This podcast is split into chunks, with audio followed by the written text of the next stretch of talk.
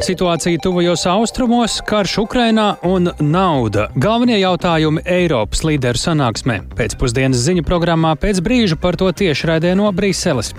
Kijivas dome lemj par atbalstu armijai, pilsētas iedzīvotāji neapmierināti, ka kara laikā pilsēta naudu izlieto labiekārtošanai. Šodien cilvēki ir šeit, jo mūsu vietējā vara izmanto pilsētas budžeta naudu nevis lai palīdzētu armijai, bet visiem šiem remontiem. Augustā pilsētas vara veica iepirkumu ielas kapitāliem remontam par vienu miljardu grīvnu. Tas ir četru leopardu tanku cenā. Ko par jaunām procentu likmēm nolēmusi Eiropas centrālā banka un ko tas nozīmēs kredītņēmējiem? Pār to visu redzījumā pēcpusdiena kopā ar mani Tāli Eipuru. Pūkstens rāda 16,5 minūtes, skan pēcpusdienas ziņu programma, skaidrojot šodienas svarīgus notikumus. Studijā tālāk Eipors. Labdien! Šajās minūtēs Briselē Eiropas Savienības līderi sāka diskusijas par situāciju tuvajos austrumos, karu Ukrainā, migrāciju un budžetu. Sagaidāms, ka Eiropas līderi mudinās ieviest humanās pauzes, lai Gazā būtu iespējams nogādāt palīdzību. Tā ir arī pirmā šāda veida sanāksme Briselē Latvijas valdības jaunajai vadītājai Evikai Siliņai no jaunās vienotības. Samita norises vietā tieši pat labi atrodas arī mūsu korespondents Arķoms Konohovs. Ar viņu pašlaik esam sazinājušies tiešraidē. Sveiks, Arķom! Kā tad šobrīd izskatās vai Eiropai? Šoreiz varētu izdoties parādīt vienotību jautājumā par Izraels un palestīniešu konfliktu. Līdz šim eh, tas nebija sanācis.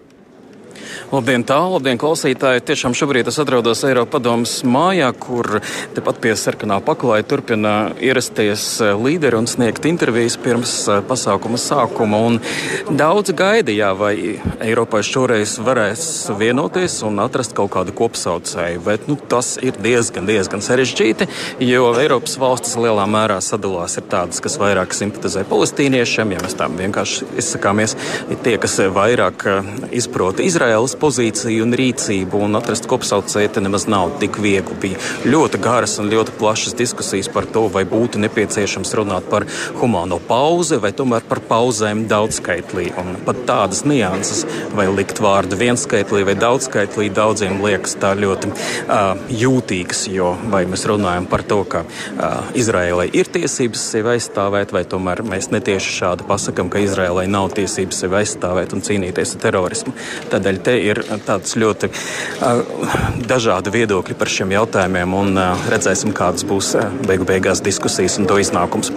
Zinot, cik asa bija Izraels reakcija kaut vai uz ANO ģenerālsekretāra dažādiem formulējumiem, var saprast, kāpēc tik rūpīgi pie šī strādā Eiropas līderi, bet vai varētu strādāt. Bet medijos parādās ziņas arķam, ka Baltijas valstu līderi šodien grasās izteikt neapmierinātību ar Ungārijas premjera Viktora Orbāna tikšanos pirms nu jau vienas otras nedēļas ar Krievijas prezidentu Vladimiru Putinu. Kas tev par šo zināms un vai ir zināms kas vairāk?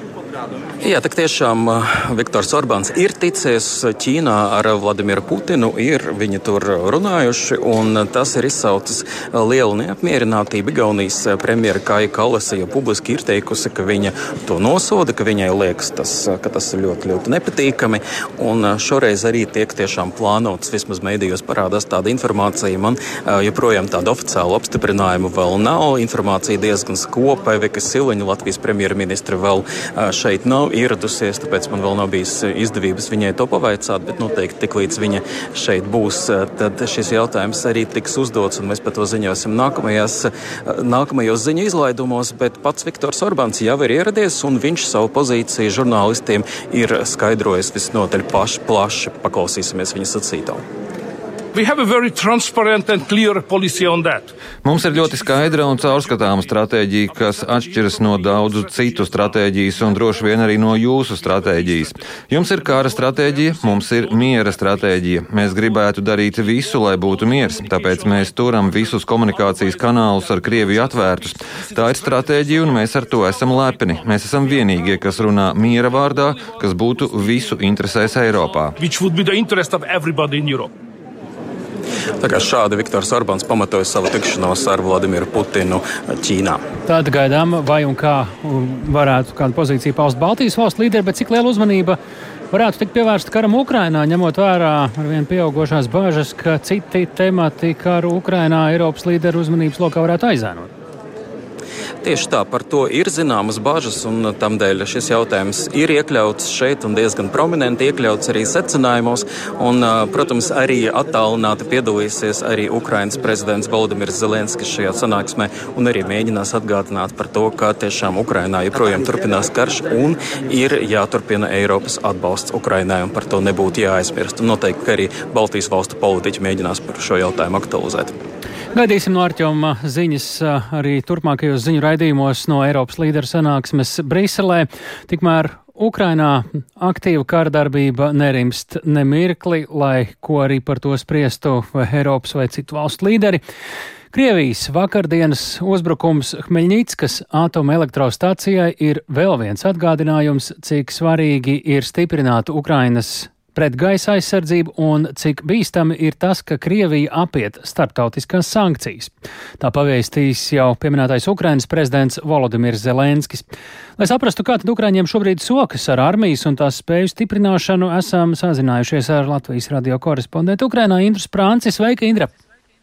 Labdien, jā, vakardienas Krievijas drona uzbrukumi Ukrainas vidienai, īpaši Hmeņģītskas apgabalām netālu no atomelektrostacijas, raisīja tādu plašāku satraukumu gan par to, cik tālu savos noziegumos Ukrainā ir gatava iet Krievija, gan arī par Ukraiņu aizsardzības spējām. Un kā vakar vakarā savā regulārajā uzrunā tautai atzīmēja Ukrainas prezidents Volodimirs Zelenskis, tas kārtējo reizi atgādinājis, cik ļoti svarīgi ir stiprināt Ukrainas bruņoto spēku aizsardzības spējas. Paklausīsimies maz fragmentiņu no Zelenska sacītā. Це удар в напрямку АЕС чергове нагадування для усіх наших. Šis uzbrukums atomelektrostacijas virzienā ir vēl viens atgādinājums, cik svarīgi ir stiprināt Ukrainas pretgaisa aizsardzību un cik bīstam ir tas, ka Krievija apiet starptautiskās sankcijas. Daudzas sastāvdaļas dronos un raķetēs, ko izmanto Krievijas teroristi, nāk no dažādām valstīm, dažādām kompānijām, arī rietumu. Pret Krieviju vērsto sankciju efektivitāte tiešā nozīmē ir aizsardzība aizsardzība pret terorismu. Jā, un Krievija turpina terorizēt Ukrainu.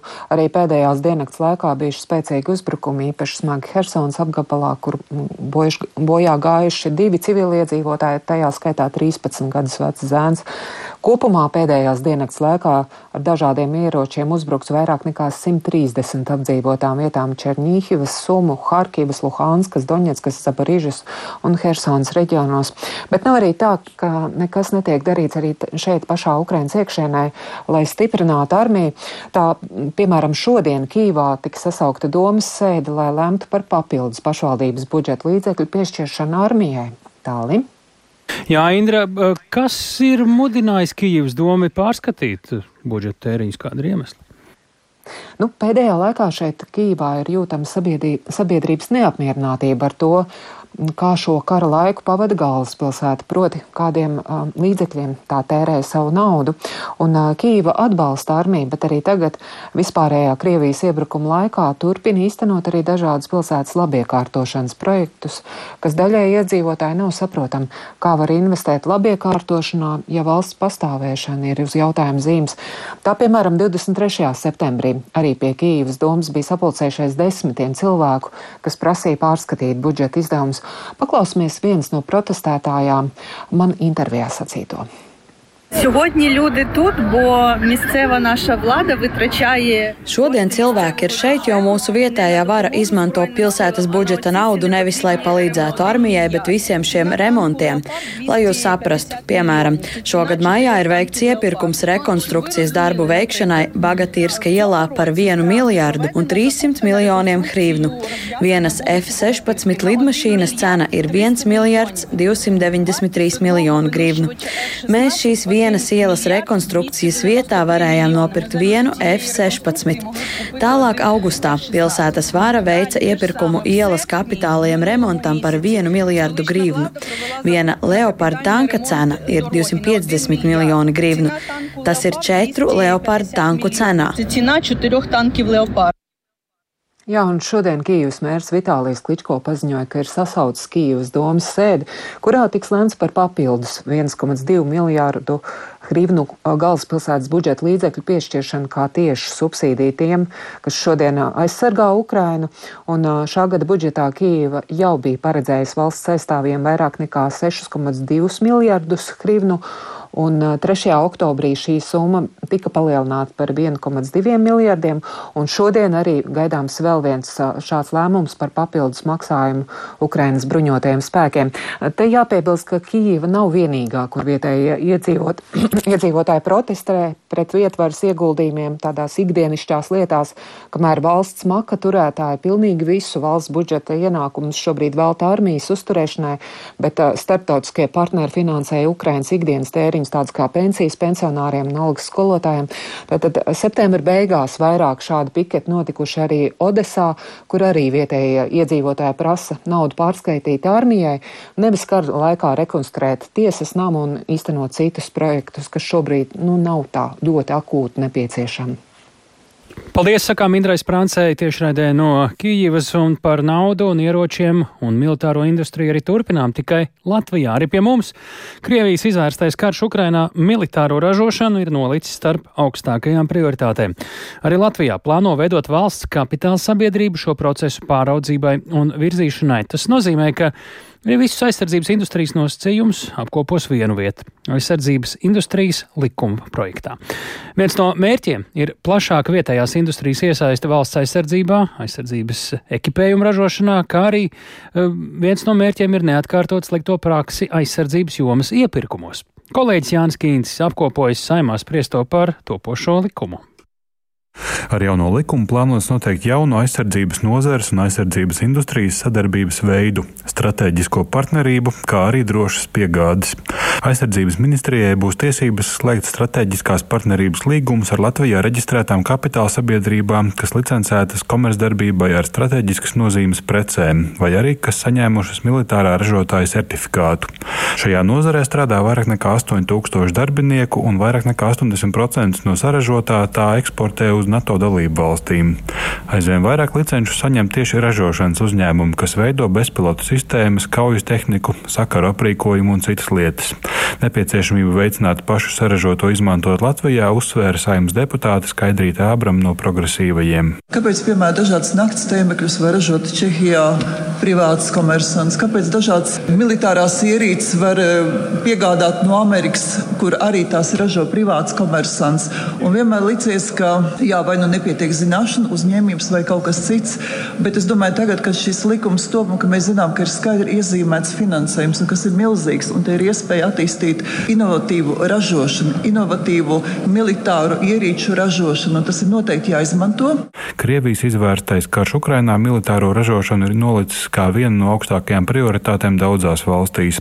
Nekavēšanos un nezaudēšanu konkurencē ar kaimiņiem uzsvēra saimnes deputāte, bijusī aizsardzības ministre Ināra Mūra. Mūrniece no Nacionālās apvienības. Igaunijā ir uzsākts darbs pie aizsardzības industriālā parka veidošanas pietiekami liela. 50 līdz 100 hektāru platībā tiek uzrunātas 5-6 pašvaldības. Protams, arī pašvaldību interese ir milzīga. Igauni publiski saka, ka vēl nav izšķīrušies par kāda kalibra munīcijas ražotni viņi domā, bet nu, mājiena ir ka pieprasījums ir pēc 155. kalibra munīcijas. Tad, tad mēs saprotam, ka mēs esam asā konkurences situācijā. Saimnes debatēs vairāk kārt izskanējušo atgādinājumu par skandalozo ēdināšanas iepirkumu Nacionālo bruņoto spēku vajadzībām bijusī ministra saistīja ar politisko iejaukšanos iepirkumos. Tādu praksi atkārtot nedrīkst, un arī iepirkuma izmaksām jābūt skaidrām. To klāstīja arī deputāts Ainārs Lesers no Latvijas pirmajā vietā. Negribētos, lai atkal būtu tā, ka nezināmi uzņēmumi, jeb uzņēmumi, kas kādā vecā angārā nodarbojas ar uzņēmēju darbību, piemēram, patronu ražošanu. Un tad, kad parādās informācija par patronām, tad izrādās, ka tās patronas eh, patriotiski saražotās Latvijā maksā vairāk kārtīgi dārgāk nekā tas ir, eh, būtu iepirkts ārzemēs. Jaunajā likumā aizsardzības industrijai būs skaidrāki un pārskatāmāki noteikumi saistībā ar drošības prasībām, atbalstu attīstībai un investīciju piesaistēji, kā arī par piegāžu drošību. Likumprojektu kvalitatīvu izstrādi līdz tā pieņemšanai uzsvēra aizsardzības ministrijas parlamentārais sekretārs Atis Švinka no progresīvajiem. Jūs skatīsieties, vērosiet rūpīgi un pievērsīsiet uzmanību gan pārvaldības jautājumiem, gan reputācijas jautājumiem, gan kā dažādas institūcijas tiks ieceltas, gan arī drošības pielaides jautājumiem. Tas tikai liecina, ka ja mēs visi parlaments saim kopā šādā veidā strādāsim, šis likums varēs arī sanākt kvalitatīvs. Jauno valsts aizsardzības industrijas likumu saimā skatīs vēl divos lasījumos. Jānis Kincis, Latvijas Radio. Nāvējoši šāvieni atskanējuši valstī, kur kara nav. Par vakar notikušo vismaz 16 cilvēku nogalināšanu ASV Meinas štata Luistonas pilsētiņā meklētais vīrietis joprojām nav atrasts un notiek plaša policijas operācija. Vāras iestādes ir aicinājušas Luistonas un apkaimes iedzīvotājus palikt mājās, jo iespējamais uzbrucējs var mēģināt sarīkot jaunas apšaudes. Šī ASV ir kārtējā nāvējošā masu apšaude šajā gadā. Stāsta Uldis Česberis.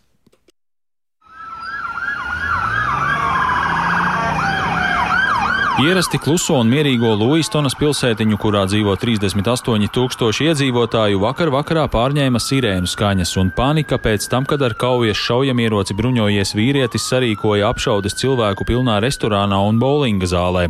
Abas apšaudes notika ar aptuveni desmit minūšu atstarpi. Pēc nāvējošajām apšaudēm uzbrucējs ar savu automašīnu devās nezināmā virzienā, bet varas iestādes uzsāka viņa meklēšanu. Luistonas iedzīvotājs Brendons atradās bowlinga zālē brīdī, brīdī, kad tur iebruka šāvējs un atklāja uguni. Vīrietis pastāstīja, kā viņam izdevās izglābties. Bija skaļš troksnis. Es sākumā domāju, ka ir pārsprādzis balons. Tad es pagriezos un ieraudzīju vīrieti ar šaujamieroci rokās. Es sāku skriet pa bowlinga celiņu un ieslīdēju vietā, kur atrodas ķegļi. Tad es uzkāpu uz ierīces virs ķeģļiem un gaidīju tur aptuveni desmit minūtes, līdz ieradās policija. Kad es izdzirdēju pirmo šāvienu, aiz manis atradās kādi 15 cilvēki. Šāvējs bija patiešām ļoti tuvu. Uzbrukumā nenogalināja nevienu manu draugu, bet starp sašautajiem bija viens man zināms puisis. Es ierados spēlēt viens pats un nebiju tur pat desmit minūtes. Dažas stundas pēc apšaudēm policija paziņoja, ka iespējamais uzbrucējs bija 40 gadus vecs vietējais iedzīvotājs Roberts Kārts. Viņš iepriekš bija dienējis ASV armijā, bet pašlaik strādāja par šaušanas instruktoru. Mēdīja vēsta, ka Kārdam ir bijušas garīgās veselības problēmas. Šovasar viņš divas nedēļas pavadīja ārstniecības iestādē pēc tam, kad vīrietis bija dzirdējis balsis, kas esot draudējušas sarīkot apšaudi tuvējā armijas bāzē. Meinas štata sabiedriskās drošības departamenta komisārs Maiks Sauščaks paziņoja, ka Luistonā ir ieviesti stingri drošības pasākumi, tāpēc iedzīvotājiem ir jāpaliek mājās, lai neapdraudētu sevi. Mēs uzskatām, ka kārts ir bruņots un bīstams. Ja cilvēki viņu pamana, tad viņiem nevajag tuvoties kārdam vai mēģināt ar viņu kontaktēties. Simtiem policistu visā Meinas štatā strādā pie šīs lietas izmeklēšanas. Viņi dara visu, lai atrastu kārda kungu, kurš joprojām tiek tiek uzskatīts par potenciālo aizdomās turamo. Izmeklētāji turpinās ievākt informāciju, lai mēs varētu saukt aizdomās turamo pie atbildības. 1,3 miljonu iedzīvotāju lielais Meinas štats tiek uzskatīts par vienu no drošākajiem ASV. Pagājušajā gadā Meinā reģistrēja 29 slepkavības, tāpēc notikušais Luistonā ir milzīgs šoks štata iedzīvotājiem. Meinā ir vieni no brīvākajiem šaujamieroču aprites likumiem ASV. Tur ik viens, kurš vēlas iegādāties šaujamo, to var izdarīt, jo pārdevējam pirms tam nav jāveic pārbaudes par pircēju. Līdzinējie mēģinājumi ieviest stingrākus šaujamieroču iegādes un glabāšanas noteikumus Meinā ir ir bijuši nesekmīgi. Slaktiņš Luistonā bija 36. reģistrētā masu apšaude ASV šajā gadā. Uldis Česberis, Latvijas radio. Atklāt Latvijas Nacionālā digitālā biblioteka. Kāda veida informācija lasītājiem tajā būs pieejama? Un ar ļoti patīkamām ziņām Latvijas līdzstējiem šodien sākusies jaunā Nacionālās basketbola asociācijas sezona. Šie un citi temati raidījumā pēcpusdienā jau tuvākajās minūtēs.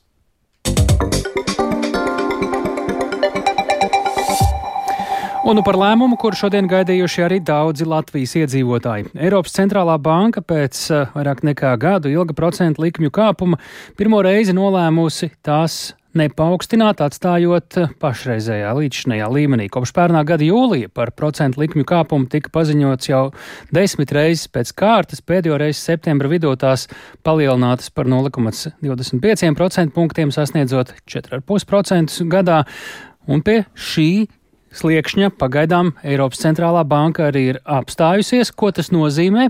Pie mūsu klausulas SEB bankas finanšu tirgus pārvaldes vadītājs Andris Lāriņš. Labdien!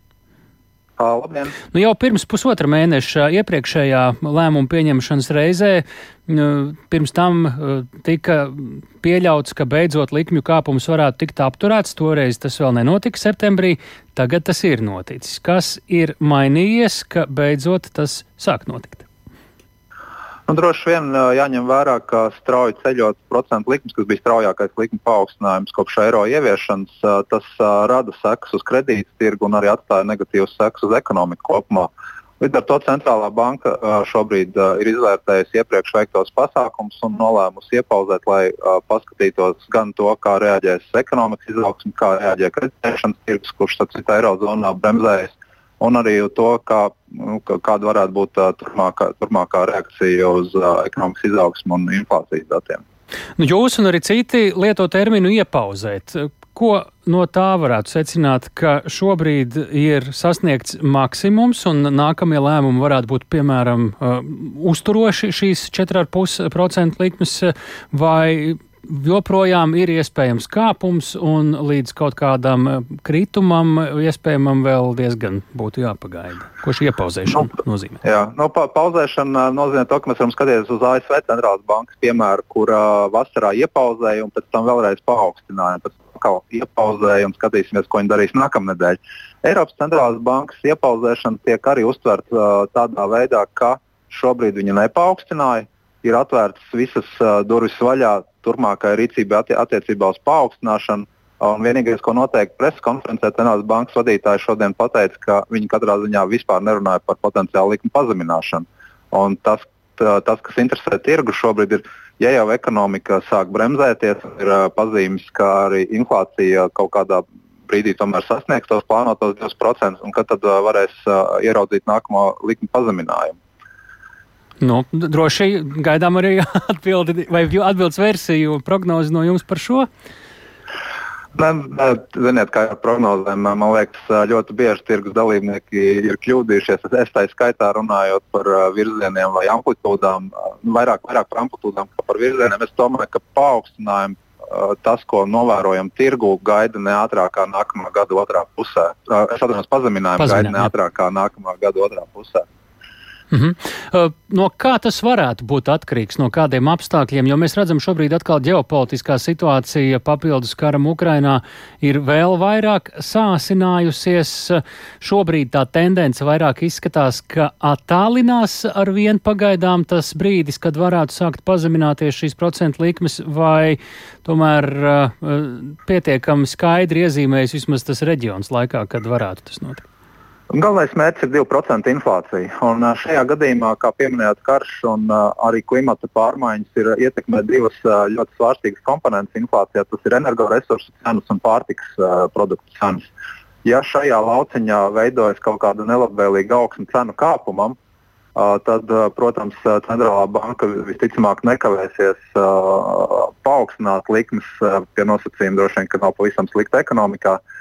Bet uh, šie, tieši šī neskaidrība neļauj tā, nu, tā saskatīt to likuma pazeminājumu tuvumu. Tas ir tas galvenais. Latvijā katra ziņa vai cerības stariņš, ka varētu apstāties vai pazemināties procentu likmju kāpums, uh, ir kā svaiga gaisa malks. Kā šis paziņojums uztverams ir Latvijas ekonomikas procesu dalībniekiem un to noskaņojumam? Te gan kredītņēmēji, gan kredīti izsniedzēji, gan jau kredīti maksātāji esošie. Tātad. Ja mēs skatāmies uz uh, Eiriboru procentu likmēm, kuras uh, tiek izmantotas kreditēšanā, tad jau tie, kas sako aktīvāk, līdz ievērojuši, ka pāris nedēļas uh, šīs likmes uh, nekāpj, un ir pat atsevišķi gadījumi, kur atsevišķi termiņa likmes, kuras pat pazeminājušās, ir zemākas nekā bija pirms divām, trim nedēļām. Līdz ar to šobrīd mēs varam priecāties par pauzi un cerēt, ka ar ekonomiku viss būs kārtībā, ka energoresursu cenas nekāps, un tad iespējams nākamā gada varbūt ne otrā pusē, bet agrāk mēs ieraugām likuma pazeminājumu. Izdzirdējām vismaz Latvijas gadījumā potenciālo prognozi, kad varētu gaidīt likmju pa pazeminājumu, bet tik tālu arī man liekas, ka pats svarīgākais ir, kā būtu prātīgi rīkoties tiem varbūt, kuri domā par savu veidu potenciālām vai esošām kredīt saistībām. Nu, attiecībā uz kredītu tas nav vienīgais jautājums, kas jālēm. Sāksim ar to, ko mēs vērā, vēlamies iegādāties kredītā. Jo, piemēram, pat ja mēs skatāmies uh, nelielu laiku atpakaļ, kad mums bija 20% inflācija un uh, kredīta procentu likmes uh, bija zemāks, ja, tad uh, nopērkot preci kaut vai maks, teiks, tā, nopērkot īpašumu, kurš ir uh, labas kvalitātes un kuram ir saskatāms potenciāls cenas kāpums, ja naudas cena ir, ja naudas procentu likme ir zemāka par to pieaugumu, kāds ir potenciāli tam īpašumam vērtības pieaugums, tad kāpēc ne, neņemt šobrīd? Un līdz ar to es teiktu, nu, tas ir tāds uh, lēmumu kopums. Ir jāskatās, uz, ja mēs runājam par hipotekāro kreditēšanu, jāskatās, uz, kur atrodas īpašums, kādas uh, ir viņa izredzes, uh, kādas ir sagaidāmās būvniecības izmaksas, ja, un, un, un tad mēs skatāmies, cik maksā nauda, lai viņi aizņemtos. Tā, tā kā nav tik viegli. Sakām lielu paldies eh, par eh, padomu Andrim Lārijam, Sebbankas finanšu tirgus pārvaldes vadītājiem. Tātad atgādinām, ka Eiropas centrālā banka pēc vairāk nekā gadu ilga procentu likmju kāpuma desmit reizes par to tika paziņots pirmo reizi. Šodien ir nolēmusi tās nepaukstināt, un līdz ar to tas nozīmē, ka eh, tas joprojām ir, tie joprojām ir šie pieminētie 4,5% gadā. Turpinām raidījumu pēcpusdienu. Kopš septembra satiksmes negadījumos Latvijā gājuši bojā jau pieci gājēji. Ārā kļūst arvien tumšāks un pasliktinās laikapstākļi, tāpēc īpaša piesardzība jāievēro visiem satiksmes dalībniekiem. Par to, kas šobrīd jāņem vērā, piedaloties satiksmēm, stāsta Paula Dēvica. Šodien Latvijā ilgstoši sniega un vietām var veidoties sniega sega. Turklāt dienas kļūst arvien īsākas un tumsa iestājas ātrāk. Tāpēc īpaši piesardzīgiem jābūt ne tikai autovadītājiem, bet arī gājējiem un citiem satiksmes dalībniekiem. Latvijas valsts ceļi brīdina, ka laikapstākļos, kad bieži līst vai sniega slapjš sniegs, autoceļi īpaši ar sliktā stāvoklī esošu grants segumu pārmitrinās. Intensīvāk veidojas bedres un tie kļūst grūtāk izbraucami. Savukārt asfalts var kļūt slidens. Vairāk stāsta drošas braukšanas skolas direktors Jānis Vānks. Kā mēs vienmēr sakām, droši braukšanas skolā iedosim sev vairāk laika. Tas nozīmē to, ka mēs iedodam sev vairāk laika gan sagatavoties izbraukšanai no mājas, vai arī atpakaļ jau. Un mēs varam iedot arī vairāk laika visiem citiem satiksmes dalībniekiem, tā ka mēs paši veicam kaut kādu manevru. Laicīgāk ieslēdzam pagrieziena rādītāju, nemainam strauji kaut kādas braukšanas joslas kustību un vispārējo tā, lai nebūtu pārsteigums citiem satiksmes dalībniekiem. Vanks uzsver, ka šajā laikā īpaši būtiski ir sagatavot tehniku ziemas periodam, un tas nozīmē ne tikai laikus nomainīt ziemas riepas, bet arī, piemēram, pārbaudīt visus apgaismes elementus, logu slotiņas un stiklu kvalitāti. Būtiski pārbaudīt arī salona gaisa filtrus, kas attur salona stiklus no aizsvīšanas. Gada tumšākais periods ir arī bīstamākais laiks gājējiem. Eksperti uzsver, ka ir jābūt ļoti uzmanīgiem, piemēram, pie gājēju pārējas pagaidot, līdz ir pilnībā skaidrs, ka automašīna apstāsies. Tāpat par jānesa atstarotāju, skaidro ceļu satiksmes drošības direkcijas satiksmes drošības eksperts Oskars Irbītis ļoti daudzi no šiem atcerotājiem nelietotājiem pirms uh, pāris minūtēm bijuši autovadītāji. Tātad cilvēki atstāja automobili, kad man no kaut kur ceļu ielas malā, dodas uz savu māju Un uh, tad brīdī viņi vienkārši nepadomā par to, ka arī viņus ir pārējiem autovadītājiem jāievēl. Ir bijis skaidro, ka ir svarīgi saprast, ka kļūdīties var jebkurš satiksmes dalībnieks. Proti, ja cilvēks ir pārliecināts, ka par visu ir parūpējies un ir atbildīgs satiksmes dalībnieks, vienmēr pastāv iespēja, ka būt neuzmanīgs vai kļūdīties var kāds cits. Valsts policijā Latvijas radio informē, ka kopš septembra ceļu satiksmes negadījumos bojā gājuši jau pieci gājēji un vairāki arī cietuši. Tā stāsta risku grupu prevencijas nodaļas priekšniece Tatjana Caune. Protams, mēs novērojam, ka arī nevienmēr tiek lietots atcerotāji vai vestes. Tāpat arī mēs novērojam, ka bieži iedzīvotāji izvēlās lietot tumšu apģērbu, kas, eh, protams, arī būtu ieteikums lietot košāku apģērbu, sevišķi pilsētās. Arī pilsētā, neskatoties uz to, ka periodiski ielas ir apgaismotas, eh, mēs novērojam, ka arī sliktie apstākļi Tātad arī ir tas, kas traucē redzamību vadītājiem. Protams, jebkurā gada periodā ir jāievēro ātruma ierobežojumi. Diemžēl Latvijā tos mēdz uztvert viegliprātīgi. Oktobrī veiktā satiksmes dalībnieku attieksmes aptaujā secināts, ka 78% Latvijas satiksmes dalībnieku ir pārsnieguši ātrumu. Turklāt liela daļa to dara arī sliktos laikapstākļos. Tāpēc ir jāatceras, ka satiksmē jārūpējas ne tikai par savu, bet arī apkārtējo drošību. Paula Dēvica, Latvijas radio. Ņemot vērā šo un arī iepriekšējos tematus, iespējams drošākais veids, kā pavadīt laiku, ir sēdēt un lasīt kādā mierīgā vietā.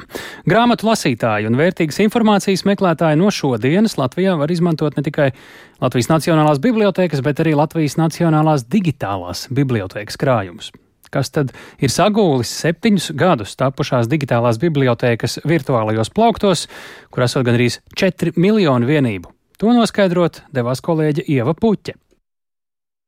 Kultūras ministrijas parlamentārā sekretāra Agnese Lāce šodien atklājot jauno Nacionālo digitālo bibliotēku, izteicās, ka saglabājot mūsu kultūras vērtības digitālajā formātā, mēs nodrošinām to pastāvēšanu pāri robežām un pāri laikiem. Vienalga, kādi dabas notikumi, elementi var apdraudēt materiālus un ēkas. Mēs šādi nostiprinām mūsu pārliecību un mūsu unikālo mantojumu. Viņa savā runā izcēla digitālā krājuma pieejamību pašmāju un ārzemju pētniekiem. Kolēģi no Izglītības un zinātnes ministrijas Silvija Reinberga piebilda, ka arī skolēniem jaunais resurss varētu pavērt plašākas iespējas pētniecības laukā. Bet Gatis Ozols no Vides aizsardzības un reģionālās attīstības ministrijas pats ekskursijās pētīs vecās kartes, kas tagad digitāli pieejams šajā krājumā. Kāds ir galvenais digitālās bibliotekas ieguvums? Stāsta tās vadītāja Karina Bandere. Vienu vietu pieejams gan grāmatas, kas ir digitalizētas no Nacionālās bibliotekas, gan materiāli, kas ir dažādās muzeju krātuvēs bijuši, gan arī citu bibliotēku, reģionu, arhīvu materiāli. Tie visi ir vienu vietu. Lai nav jāiet uz dažādām vietnēm, nav jāiet uz dažādām institūcijām, bet digitālā biblioteka.lv un jūs atrodat vai uzzinat par to, kur to materiālu atrast. Bet tās nav visas Latvijas eh, Nacionālās bibliotekas grāmatas arī no fondiem. Nē, pilnīgi visu, lai mēs digitalizētu, kas ir gan Nacionālajā bibliotekā, arhīvos, muzejos, tie noteikti būs eh, cilvēku mūža gadi, taču ir būtisks apjoms eh, digitāli pieejams. No 3,8 miljoniem digitālās bibliotekas vienību gandrīz 60 tūkstoši esot grāmatu, 6000 kartes, digitalizēti gandrīz visi Latvijas laikraksti. Ir arī vēstules rokraksti, nošu partitūras. Daudz no šī digitālā satura jau iepriekš varējām atrast citās vietnēs, piemēram, periodika LV, Zudusī Latvija LV, tagad tās ir zem vienas cepures. Te apkopoti materiāli no dažādiem internetu resursiem, arī no privātiem krājumiem. Kultūras informācijas sistēmu centra direktors Armāns Magonis stāsta, ka viņa iestādes pienesums esot gan tehniskais nodrošinājums, gan digitalizētie Latvijas radio un Latvijas televīzijas vecie ieraksti, kas bijuši analogajā formātā. Tos var atrast gan eh, portālā diva.lv. Tur var apskatīt visus digitalizētos Latvijas eh, radio un Latvijas televīzijas materiālus. Piemēram, kādus materiālus? Vecās tās kronikas? Nē, ne tikai kronikas. Tur ir eh, materiāli, kas ir bijuši tieši radio fonotēkā un arī Latvijas televīzijas. Piemēram, bērnu raidījumi, kas ir televīzijas teiksim, fonotēkā. Reiz runas Renārs. Protams, digitālā biblioteka joprojām nav gatava un tiks papildināta. Tās sirds ir kultūras nozares datu centrs, kas atrodas fiziskajā Latvijas Nacionālajā bibliotekā. Taču dati glabājas arī interneta mākoņos. Ieva Puķa, Latvijas radio. Daudz grāmatu lasīšanas vietā izvēlas noskatīties arī kādu sporta pārraidi, un ar patīkamām ziņām Latvijas līdzjutējiem šodien sākusies jaunā Nacionālās basketbola asociācijas sezona. Kā zināms, Latviešu basketbolisti NBA vasarā ir mainījuši savas komandas. Kristaps Porziņš no Vašingtonas pārcēlies uz Bostonas Celtics, bet Dāvis Bertāns Dallas Mavericks kreklu nomainījis pret Oklahoma City's Thunder. Kā sezonas ievadā nospēlējušas viņu pārstāvētās komandas un kā un vai spēlējuši arī viņi paši, to vaicāsim kolēģim Mārim Bergam. Sveiks, Māri! Nu, sākam ar šīs sezonas uh, lielāko cerību vai cerībām. Lielas lietas tiek gaidītas no Bostonas Celtics, uh, un vai varam teikt, ka Kristapam Porziņģim tiešām arī, kā šobrīd izskatās pēc pārbaudas spēlēm, pēc pirmās oficiālās spēles, ir reāls iespējas cīnīties par NBA čempionu titulu. Sveiks, tālāk, sveicināti klausītāji. Jā, Celtics šorīt sezonu sāka ar uzvaru 108-104 pret Ņujorkas Niks, un Kristaps Porziņš arī bija viens no galvenajiem uzvaras kaldinātājiem. Viņam šorīt 30 punkti un 8 atlikušās bumbas, un tiešām vairāki svarīgi grozi tieši spēles galotnē. Atbildot uz tavu jautājumu, jā, viņam un visai Bostonas Celtics komandai ir reāls iespējas cīnīties par titulu, un Bostonai īstais pārbaudījums tiešām sāksies tikai aprīlī, kad startēs izslēgšanas spēle spēļu turnīrs. Regulārā sezona viņiem ir laiks saspēlēties, ieskrieties, krāt pārliecību un beig beigās arī tikt izslēgšanas mačos vēlams bez nopietnām traumām, bet patiesais spēku samērs parādīsies tikai aprīlī. Celtics ambīcijas ir tikai un vienīgi trofeja, jo atceramies, ka 2022. gada vasarā, tātad pagājušo gadu Bostona zaudēja finālsērijā, bet eh, šogad, jeb aizvadītajā sezonā, Austrumu konferences fināla septītajā spēlē zaudējums Miami Heat, tāpēc eh, Celtics cer spērt šo pēdējo soli un iegūt titulu tāli. Nu, ambiciozi, vai varam teikt, ka pārbaudas spēles, un nu, jau arī tagad pirmā sezonas spēle ir snieguši to skaidrāko priekšstatu tieši par Krista Porziņa lomu šajā komandā, jo nu, tur priekšā jau viņam bija viens pārītis superzvaigžņu.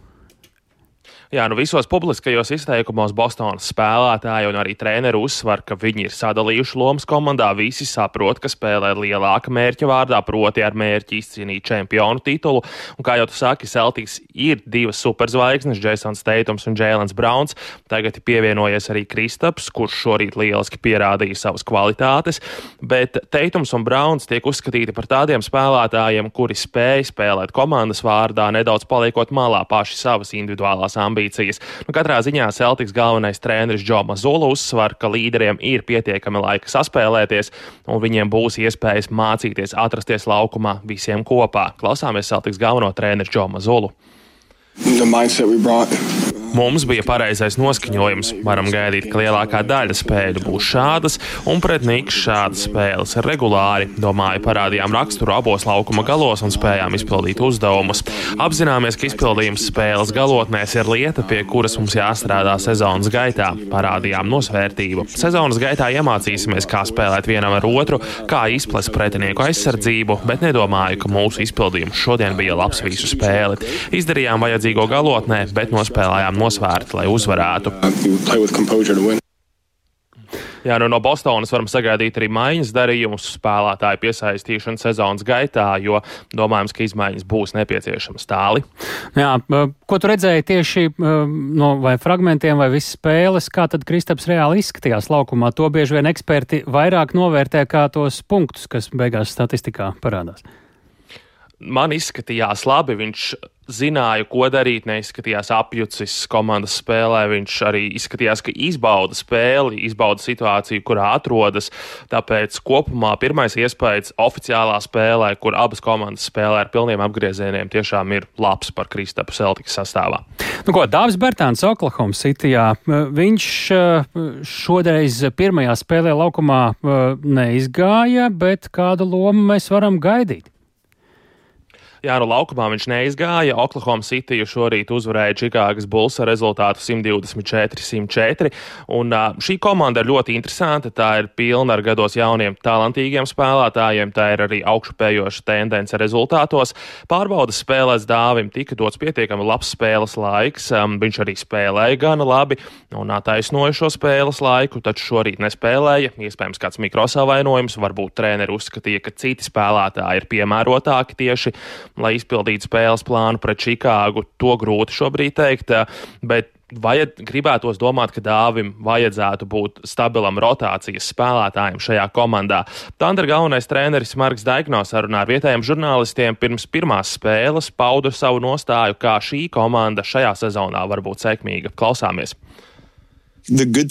Labi, ka mums ir spēlētāju grupa, kuriem bija individuāli labas sezonas. Ne tikai vadošie spēlētāji, bet arī rotācijas basketbolisti. Pagājušo sezonu kāds varbūt netika uzskatīts par NBA spēlētāju ilgtermiņā, bet tagad tā neviens nedomā. Mums bija individuāli veiksmes stāsti, bet tas netraucēja komandas rezultātiem. Puiši redz, ka var būt individuāli veiksmīgi arī tad, ja prioritāte ir komanda. Ja viņi tā turpinās un saglabās šīs prioritātes, tad kā komanda būsim labāki nekā liecina individuālā meistarība. Tālāk Oklahoma City Thunder galvenais treneris Marks Daigno sarunā ar vietējiem žurnālistiem tāli. Nu jā, īsumā, kuras komandas dažos vārdos šajā sezonā tad ir galvenie favorīti? Bostonas Celtics mēs jau nosaucām. Kas vēl? Vēl varam pievienot Milwaukee Bucks, Miami Heat. Es teiktu, ka arī Phoenix Suns un, protams, pašreizējie NBA čempioni Denveras Nuggets. Šīs ir komandas, kuras ir galvenie pretendenti, bet tur ir vēl bariņš, kas seko tām un arī vēlas cīnīties par titulu. Tas arī šo līgu padara interesantu. Paldies Mārim Bergam! Paldies arī, ka klausījāties Latvijas radio raidījumu. Pēcpusdienu to veidoja tāls epurs Lauris Zvejnieks, arī Vets Zvejniece. Mēs sakām, ka šo raidījumu varat klausīties arī Latvijas radio mobilajā lietotnē vai nu tiešraidē vai jums ērtā laikā. Tur arī ar to varat dalīties ar citiem. Mēs tiekamies kā katru dienu, arī rīt pēc ziņām, 4 un 5 pēcpusdienā.